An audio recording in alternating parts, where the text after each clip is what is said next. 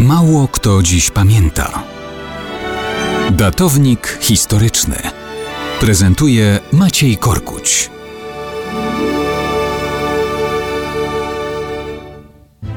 Litwo, ojczyzno moja, ty jesteś jak zdrowie. Ile cię trzeba cenić, ten tylko się dowie, kto cię stracił.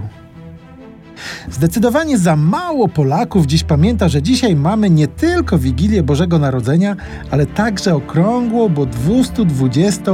rocznicę narodzin naszego wieszcza narodowego Adama Mickiewicza. Wyobraźmy sobie ten szczególny wieczór wigilijny w Zaosiu koło Nowogródka w rodzinie adwokata Mikołaja Mickiewicza i jego żony Barbary. Tam 24 grudnia 1798 roku narodziło się dziecię, któremu nadano imię Adam. Pomniki Mickiewicza mamy w Krakowie, w Warszawie, w Wilnie, w Lwowie, w Stanisławowie i w tysiącu innych miejscowości. Ten warszawski był odsłonięty w asyście rosyjskiej policji bez zezwolenia na nazbyt rozbudowane uroczystości dokładnie w setną rocznicę urodzin wieszcza w grudniu 1898 roku. W rusyfikowanej Warszawie było to dla Polaków olbrzymie wydarzenie.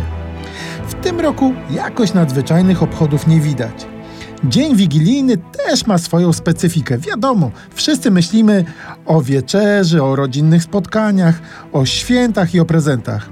Wszyscy cieszymy się, że te święta, tak bardzo wrośnięte w naszą tradycję polskości, przypominają nam, jak bardzo ważne są więzi i zwyczaje przekazywane dzieciom przez rodziców, dziadków i pradziadków.